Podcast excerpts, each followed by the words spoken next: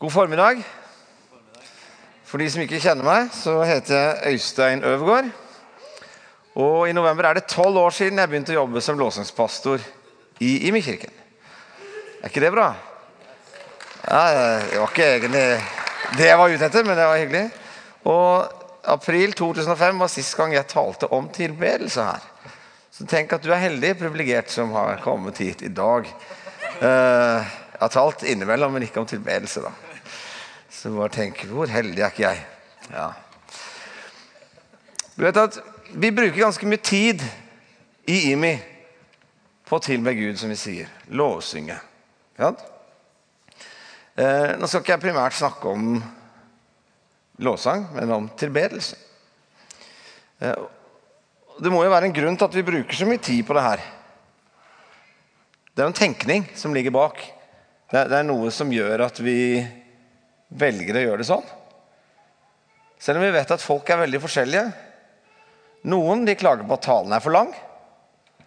Og Noen kunne gjerne sitte og hørt på tale i to timer. Andre syns lovsangsavdelingen er for lang. Ikke sant? Så Det er mange ting, men vi, vi må styre ut fra hva vi har tro for, og hva vi tror Guds ord sier. Eh, husker Et av vitnesbyrdene sist jeg talte om tilbedelse, det var en av de som helst kom etter at det hadde vart en stund i låsensavdelingen. Så sa han ja, men hvis det er sånn, da er det jo klart jeg må koble meg på. Og etter det så var han en av de ivrigste. Noen ganger så ivrig at jeg var litt flau. Eh, I lovsangen. Og da handla det om bare å få en forståelse av hvorfor. Hva er dette det vi gjør, egentlig? Så jeg håper at vi kan ja, få opp noen nye øyne for hva det kan være. For det som er så bra med alt som har med Gud å gjøre, at det er dynamisk, det er levende. Det er ikke sånn med bønnelivet mitt at å, nå har jeg skjønt alt. Ikke sant? Men det er noe jeg hele tiden kan vokse inn i. I forhold til det med lovsang, det å leve som en kristen, så er det hele tiden nye ting jeg kan få se og ha tro for at Gud vil åpenbare for meg. Så Det viktigste for meg er ikke låsningsavdelingen her på gudstjenesten. Det er ikke den jeg skal snakke om. Jeg tror tilbedelse dypest sett handler om noe annet enn en lovsangsavdeling. Jeg tror det handler om frihet til å bli den du er skapt til å være. Og veien dit handler om hvem som har makta i livet ditt. På vei Det var litt rart, for at Gry, min elskede kone, hun var så grei å kjøre meg ned til Imi tidligere i dag. Og så helt random så kommer en sang som jeg faktisk synger på på den eh, Troens øyne-plate, som heter 'Frihetens konge'. Ja, Det var jo kjekt å høre seg selv synge. Det er en stund siden. ikke sant? Og jeg hadde hørt på den. Um, og så kommer jeg ned på bønnerommet her, og så går jeg inn og så begynner jeg å spille 'Frihetens konge' med Øystein Øvergaard. Det var meg, igjen meg selv som sang. Eh, og hva er poenget? Jo, det var meg som sang? Nei. Poenget er at jeg opplever at Gud, Gud sier at det vi skal snakke om i dag, handler veldig mye om frihet. Det handler om at Gud får sette oss fri. Bibelen sier at den som Sønnen får satt fri, den som Jesus får satt fri, blir virkelig fri. Og det handler om mye mer enn lovsang.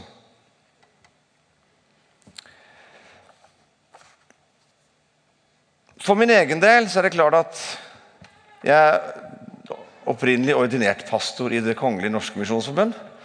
For de som blir salige av å høre det. Ehm, men så har lovsang blitt en veldig viktig del av mitt liv. Såpass mye at det faktisk er jobben min i dag. Og Det er òg en grunn til at jeg er der jeg er. Det har med ting som jeg har opplevd med Gud, som han har kalt meg inn i, ikke minst. Fra jeg var ung, var så heldig å være i et miljø i Oslo hvor det var veldig slags type ungdomsvekkelse, hvor vi fikk se veldig mye. Hvor Gud tok tak i hjertene våre. Og vi, etter hvert så ble det mye tid i lovsang så begynte jeg å legge merke til hva som skjedde med folk som begynte på en måte å å sette Jesus der på tronen igjen og igjen. Så folk begynte å tenke annerledes, handle annerledes. Mens de før de gikk inn for Gud, så, så tenkte de at hun som var sjuk. Det var flott om legen kunne hjelpe henne. Men etter å ha vært i Guds nærvær så er det klart Gud kan. Så fikk jeg se mange mennesker bli helbreda. Altså, det, det gjorde noe med hele miljøet. Selv om vi drev med masse som vi ikke alltid skjønte så mye av. Ofte så kopierte vi bare noe vi hadde sett noen andre gjort, som vi syntes virka bra. Men så vokser vi inn i noe. Vi ser òg i IMI at vi har hatt fokus på dette gjennom mange år.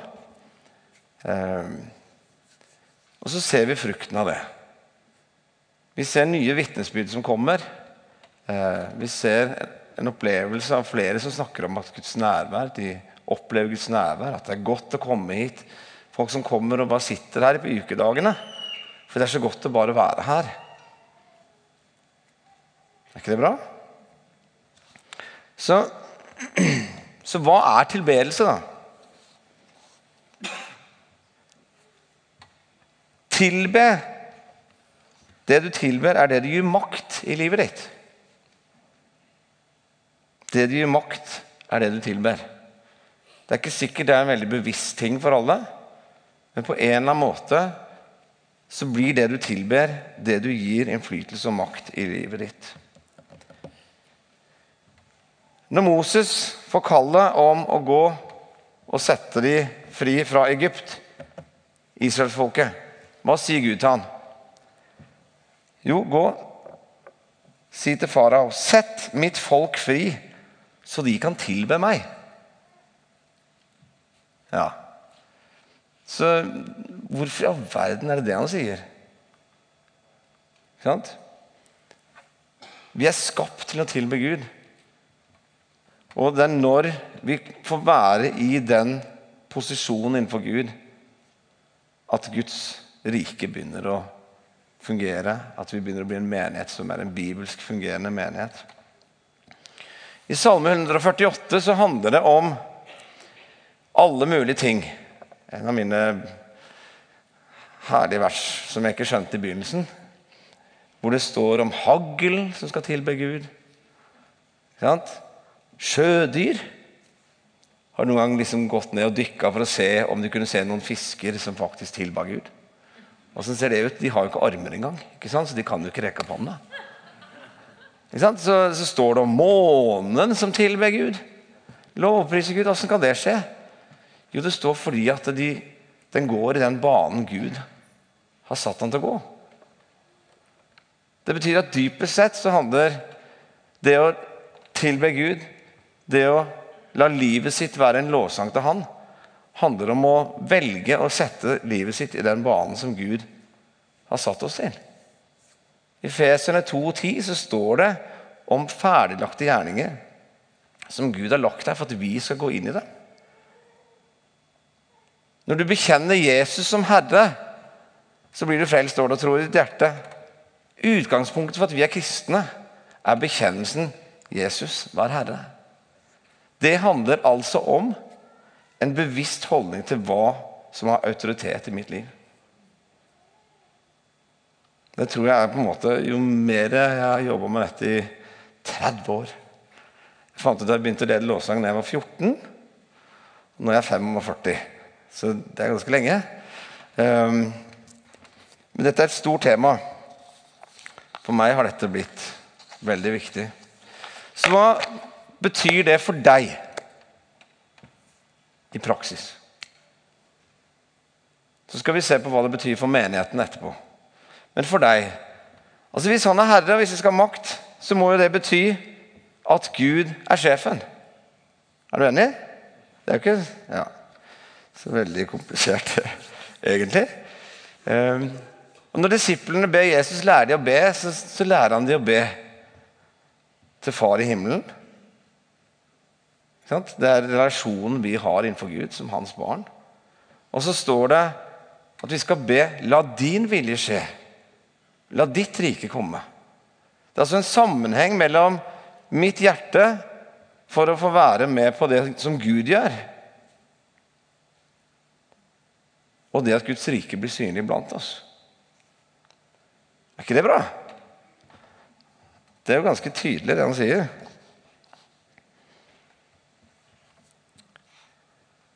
Hvorfor er dette viktig? Jo, fordi at i Guds rike så er det åndelige lover. Det er prinsipper. Når det står at vi lever som mennesker, sier Paulus, men vi kjemper ikke som de gjør, for våre våpen er fra Gud. De har sin kraft fram til å legge festninger i grus.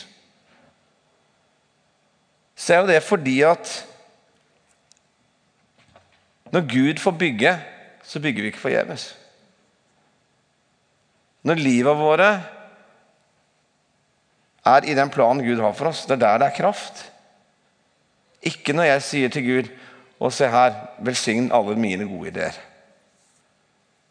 sant Jeg har vært på nok styremøter opp igjennom hvor du liksom har masse, masse planer, og så på slutt, å kjære Jesus, nå ber vi at du skal velsigne alle planene våre. Ikke sant? Vi skal ikke be Gud velsigne oss og våre planer. Men vi skal få lov å si, Gud, la din vilje skje. Jeg bekjenner deg som Herre. Amen.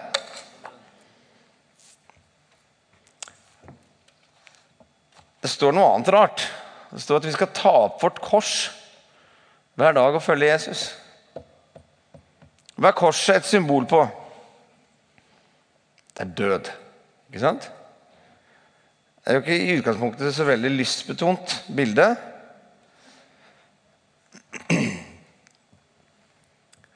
Vet, Har du tenkt på det? Hvor mye energi vi mennesker bruker på hva, om folk syns vi er fine på håret. Altså, bare, bare sånn helt sånn Og så kan du begynne å legge liksom til alle de tinga vi bruker energi på, som handler om selvbilde og alle disse tinga. Er det galt? Nei. Det er naturlig, og det er menneskelig å være opptatt av de tingene. Men Jesus kaller oss inn til et liv hvor vi mer og mer får lov til å ha et annet blikk. Hvor han sier, 'Ta opp ditt kors. Dø bort ifra deg sjøl.' Hvis du er død, så bryr du deg ikke så veldig mye om hva folk tenker. Er du enig? Det er i hvert fall veldig få jeg snakka med, som har hatt det problemet.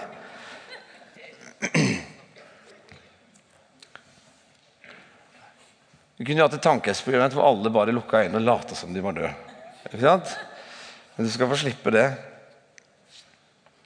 Det er en enorm frihet i å flytte sentrum i livet sitt bort fra seg sjøl og over på Gud. Og det er det Gud kaller oss til. Det er å ta sentrum, som på en måte er meg selv. For Gud har gitt oss fri vilje. Ikke sant? Og så sier han, men ta nå din vilje nå, og så gi den til meg. Så skal du få se hva jeg kan gjøre med det. For vi er ikke månen som Gud har satt i et system og bare går som en robot. Kjærlighet har veldig liten verdi hvis vi ikke òg har en reell mulighet til å velge noe annet.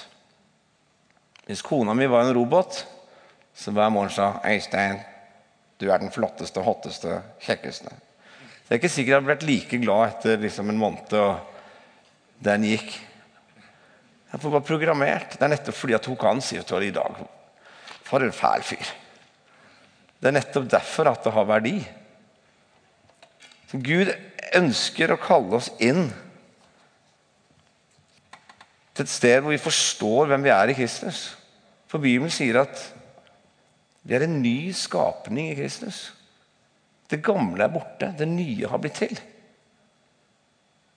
Så vi inviteres altså til en vandring hvor jeg mer og mer får lov å flytte fokuset fra meg sjøl og på Gud. Mer og mer får bli satt i frihet. Det er jo sånn at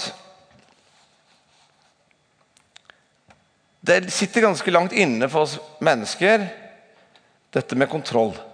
Vi har et stort kontrollbehov i større eller mindre grad. Hvis vi føler at vi mister kontroll, så føler vi oss utrygge. Og så prøver vi å få kontroll igjen. Eksempel hvis du er taler Skal jeg bare gi deg et sånt taletriks. Hvis du f.eks. står der og så får du litt jernteppe, og du trenger litt tid til å tenke deg om, så bare Å, jeg er så veldig tørst. Har vi noe vann? Så har du tid til å tenke deg om og finne tilbake, og så er det på igjen. Er ikke det bra triks? Jeg vet ikke om det er sånn for alle, men uh, det er i hvert fall et triks. Jeg var litt tørr i munnen nå.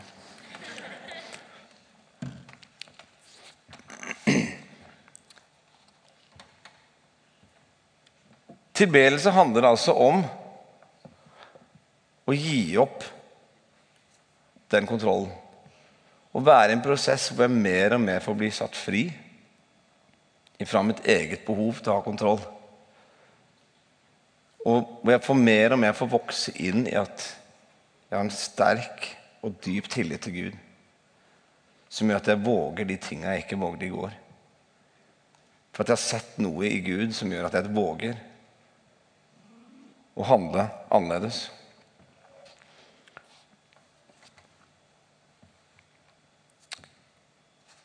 Jeg sier vi må våge å gi kontrollen til Gud. Men det sier jeg ikke at vi skal slutte å bruke huet. Ikke sant? Bibelen snakker mye om det. Vi skal prøve ting på Guds ord og, og sånn. Hvis du tenker deg at jeg tar med meg norske nordmenn som er oppvokst på et bedehus på Jæren, til Uganda på teamtur. Og det er liksom På noen av de stedene vi har vært, så er det et åndelig trøkk som er helt hensides. Og de, kulturen er så annerledes som det går an. Eh, hva er det som skjer med de når de kommer ned der, da? Det, å, det er ikke sånn jeg har lært at det er. Det er ikke denne kulturen jeg er vant til. Da blir vi litt redde. Hva er det jeg pleier å si til dem? For Min erfaring er at når jeg tar med folk inn i et møte hvor faktisk Gud gjør veldig mye sterkt Vi får se mennesker bli satt fri, bli helbreda, bli frelst. Så er det en del av dem som går inn i det og blir observatører. For De stiller seg på sida og så tenker de ja, får vi se om jeg kan gå god for alt som skjer. Ja? Eh, men så har du noen som jeg ser når de går inn i det. Og så er de på, og så er de med og ber. og De er på en måte ikke passive tilskuere, men de er aktivt med i det som Gud gjør. De som er i den siste gruppa, de får oppleve så mye sterkt. Og får gjennombud som gjør at når de kommer hjem, så våger de annerledes. Ikke sant? Tor Sven som var med ned de første par ukene han var så skeptisk. Ja, dette er veldig rart. Var bonde fra Karmøy. Og det var liksom fryktelig mange ting, og det var en, en god del samtaler. Eh, og så plutselig så måtte jeg Ja, det Jeg måtte jo bare innrømme at dette var jo Gud. Og så på en måte ga han seg La han observatørstatusen eh, vekk, og så kobla han seg på kommer han hjem. Far hans eh, har hatt et øre hvor han hadde fått en sånn sveiseperle inn og fått svidd i stykker hele trommehinna. Og måtte gå til sykehuset i 28 år eller noe sånt for å få rensa det alt mulig. og hatt problemer. Så ber han for far sin. Og så blir faren helbreda. Når han kommer, så har han en ny trommehinne. Det er jo litt kult. Det går an med en bonde fra Karmøy. skjønner du? Nå, nå, er han en av de vi har sendt ut som misjonær i Kambodsja. Er ikke, det, er ikke det bra? Så Det gjør noe med oss når vi på en måte når, når vi på en måte skjønner at vet du hva, vi er alle forskjellige, men Gud kan bruke meg akkurat som jeg er. Jeg trenger ikke å være en av de som fyker langs bakken. Og, jeg trenger ikke å være som jeg kan være meg sjøl innenfor Gud. For det dypest sett handler ikke om ytre ting, men det handler om indre ting. Det handler om hvem er det som er på tronen i livet mitt.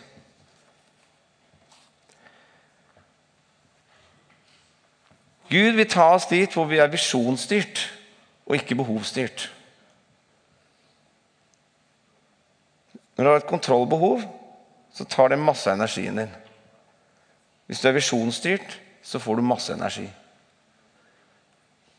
Har du tenkt Bare se for deg at du er ung.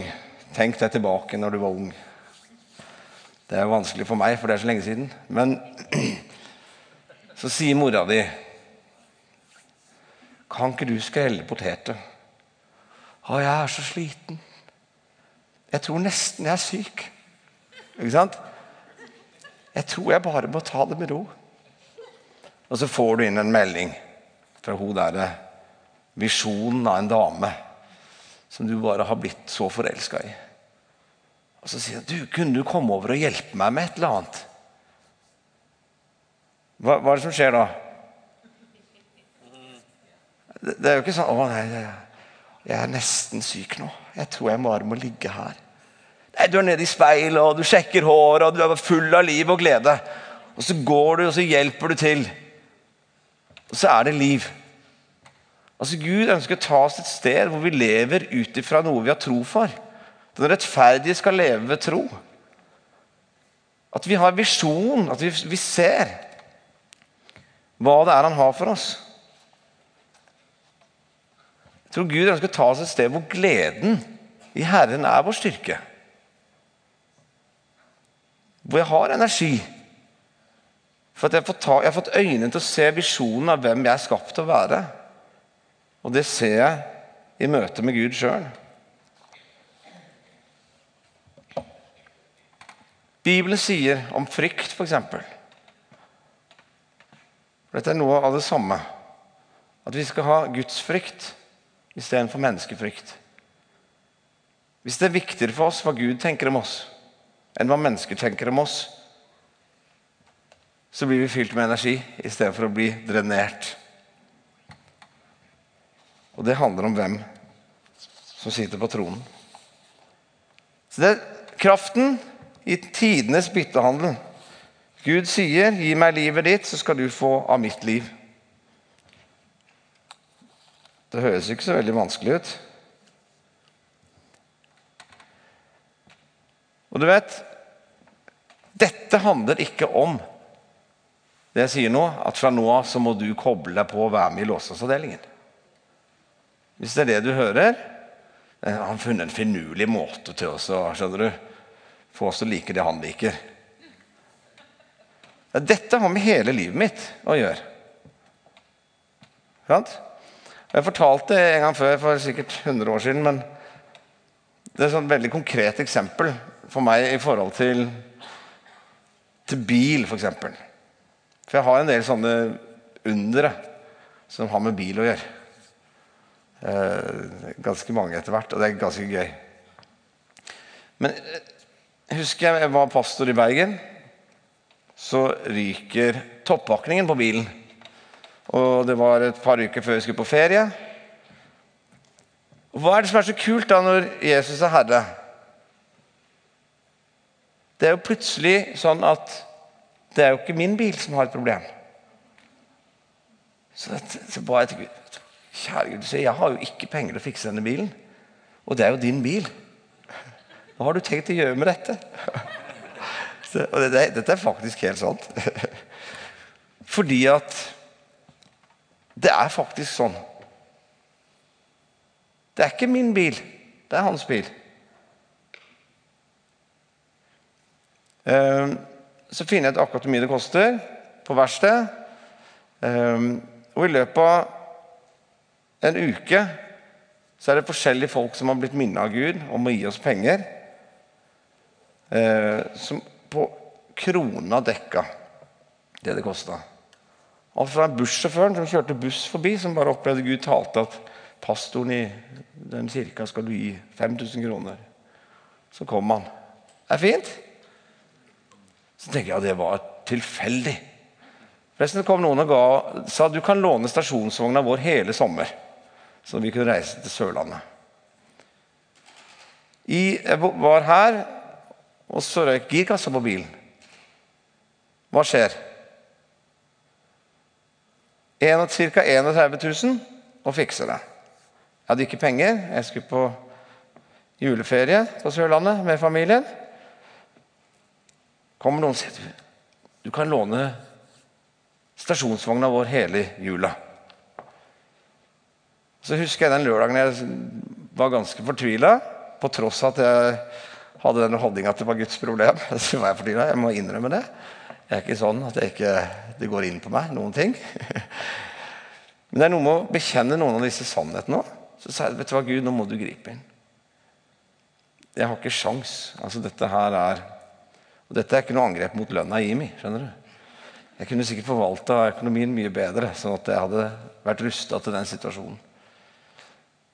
Innen onsdag fra lørdag så er det 15 forskjellige mennesker som har blitt minnet av Gud på å gi oss penger som til sammen utgjør ganske nøyaktig 31 000.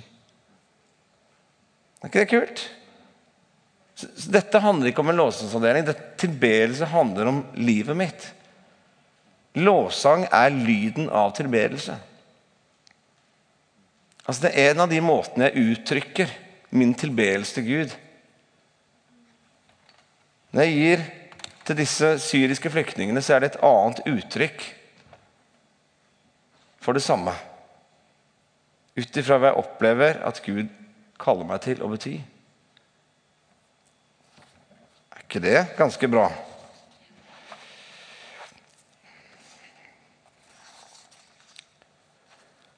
Det er jo så mye bra jeg kunne sagt nå. Er ikke det fint? Det er nå jeg tenker meg selv Jeg husker jo den gangen Martin talte i 1 time og 10 minutter. Så jeg har ganske mye å gå på. Ja. Slapp av. Jeg skal, jeg skal Nå vil vi hoppe over sikkert ti minutter. Veldig kjapt. Uh, I Feserne 2, hvor det òg står om, vi, om de ferdiglagte gjerningene som vi skal gå inn i. Og hvordan alt hviler på nåde. Det har ingenting med du, hvem du er, men det handler om hvem Gud er. Så står det at vi er satt i himmelen med Kristus.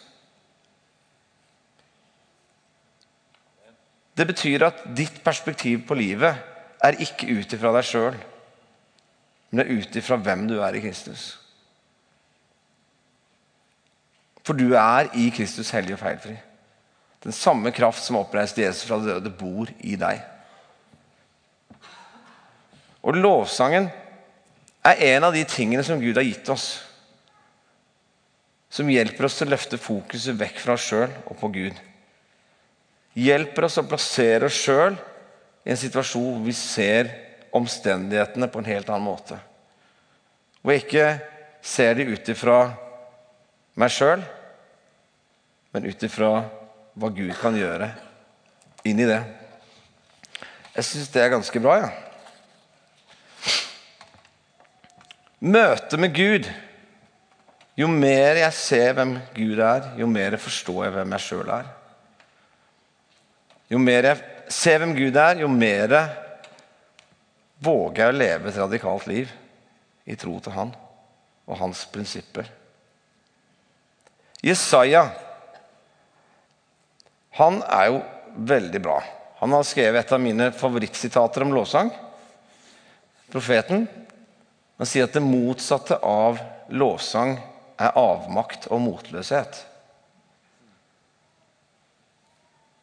Det betyr at vi ikke helt skjønner hva lovsang er ennå. At det fins mye Skjønner du?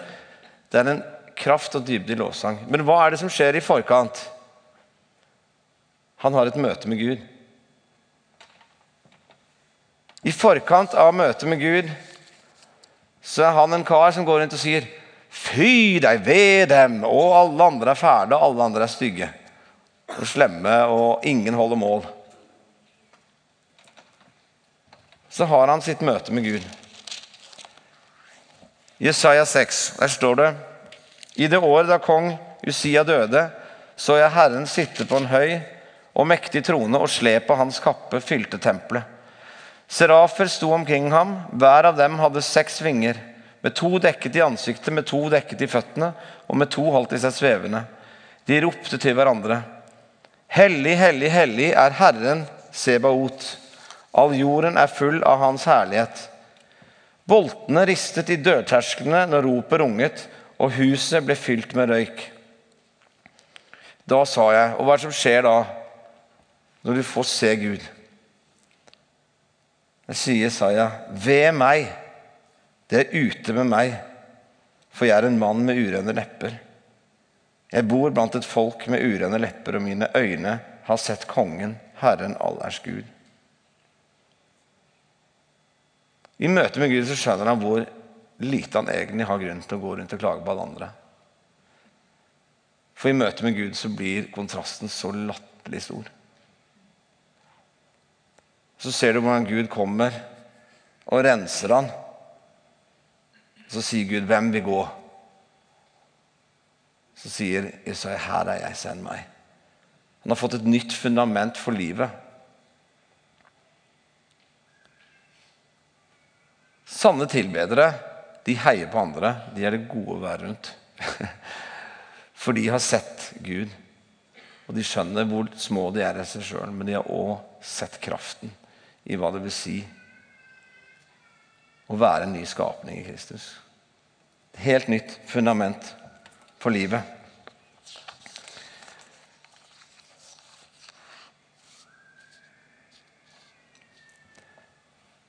Et ord mens jeg går inn for landing.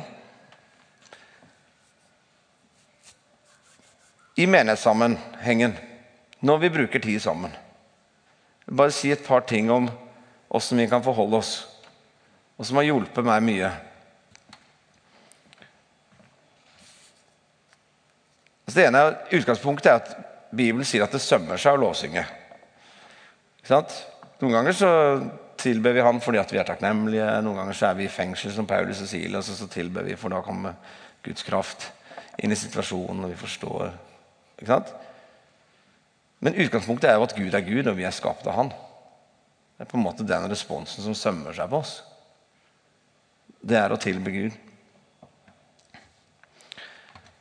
Når vi synger sanger Hvis du tenker at jeg satt i himmelen med Kristus, det betyr at det er en ny virkelighet som jeg forholder meg til som er det som Guds ord sier om meg. Det er ikke hva de sa til meg på barneskolen at jeg var, som brøt meg ned, men det er det Gud sier, som jeg mer og mer skal få lov til å bli prega av. Da betyr det òg at når vi synger en sang som 'Takk, min Jesus, du satt meg fri', så står det, som jeg sa, at den rettferdige skal leve ved tro. Og Det står at tro er full visshet om det du ikke ser. Og så er du blitt satt i himmelen med Kristus, og så sier Gud, 'Se nå med mitt blikk'. Det betyr at når jeg står der, jeg, så kan jeg takke Gud for noen ting han har satt meg fri fra. Alle matallergiene mine, så kan jeg takke ham for det. 'Takk, du satte meg fri'. Du satte meg fri, Takk for korset. Men noen ganger så er det òg de tinga som jeg baler med, som jeg skulle ønske jeg hadde større frihet på i livet mitt. Så proklamerer jeg det ut ifra hva jeg ser av det som ennå ikke er. Så for meg er det Tibel lovsangen det er et, et, sted hvor jeg får lov å hvor vi som menighet kan få lov til å ha et møtepunkt med Gud, hvor vi legger til rette for at vi kan sammen være sammen med Gud, hvor Han taler til oss. For det er meningsløst at Jesus er Herre hvis ikke vi er opptatt av å høre hva Han sier. For da blir det bare ord og ikke handling. Outro, står det. Du vet, Gud har skapt deg og vet akkurat hvordan du er skrudd sammen. Hva som skal til for at det bobler av liv og glede på innsida di. Det vet Gud. Skal vi finne hvem vi er, så må vi flytte fokuset. Så må vi gjøre det som Guds ord sier. Og Det er å sette Jesus på førsteplassen og omfavne det han har. Jeg fant et bilde nede. Det er jo det er så kristelig som det går an, vet du, med sånne hjerter og se hvem Gud, Gud fryder seg over, og så er det et speil, og så Å, det er meg. ikke sant? Det, det er jo litt, det er herlig, ikke sant? for det er jo sant. For Gud elsker oss. I, i denne uka her så har Gud han, har, han ga meg et bilde når jeg var i bønn. hvor jeg sto og så inn i et speil. Og så var det litt sånn skittent, sånn som dette. Jeg har ikke vaska det. Så vaska litt, og så så jeg at når jeg sto og så i speilet, så så jeg bildet av Jesus.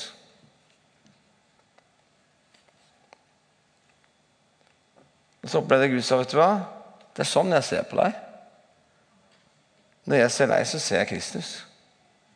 Jeg ser det potensialet som Gud, som jeg har lagt ned i deg. Jeg ser ikke deg som en forferdelig synder, men jeg ser deg som hellig og feilfri. Og med det utgangspunktet å koble oss på Han som tenker sånn om oss, og ved det bli forvandla mer og mer, da blir det godt å være meg. Og vi som menighet får lov til å gå sammen i enhet fordi at vi har samme fokus. Det er ikke meg og mitt, men det er Gud og det han vil. Og det å få være Jeg kan komme opp. Med på det som han har, det han har skapt oss til. Skal vi be. Gode, gode far. Jeg takker deg for tidenes byttehandel som du inviterer oss inn i. Bare hjelp oss å mer og mer få vokse i det å tilbe deg, det å plassere makta hos deg. Hjelp oss å se det vi er skapt til å være.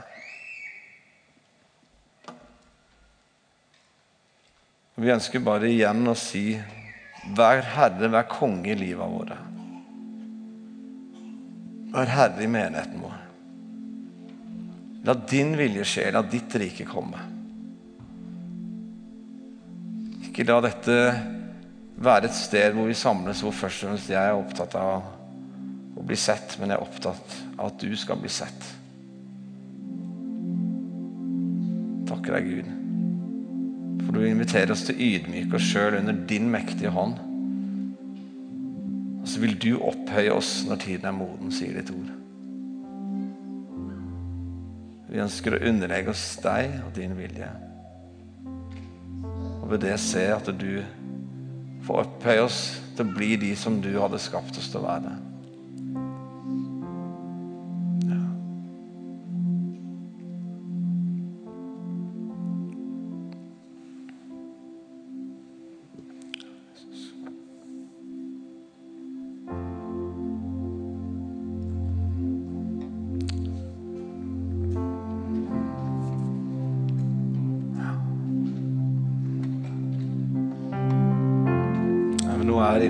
Gud, så ber jeg at du skal bare vise oss områder i livet hvor kanskje du ikke sitter på tronen.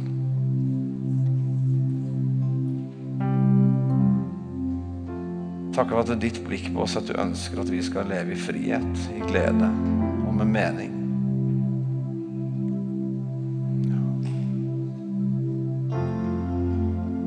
Sett oss fri så vi kan tilbe deg.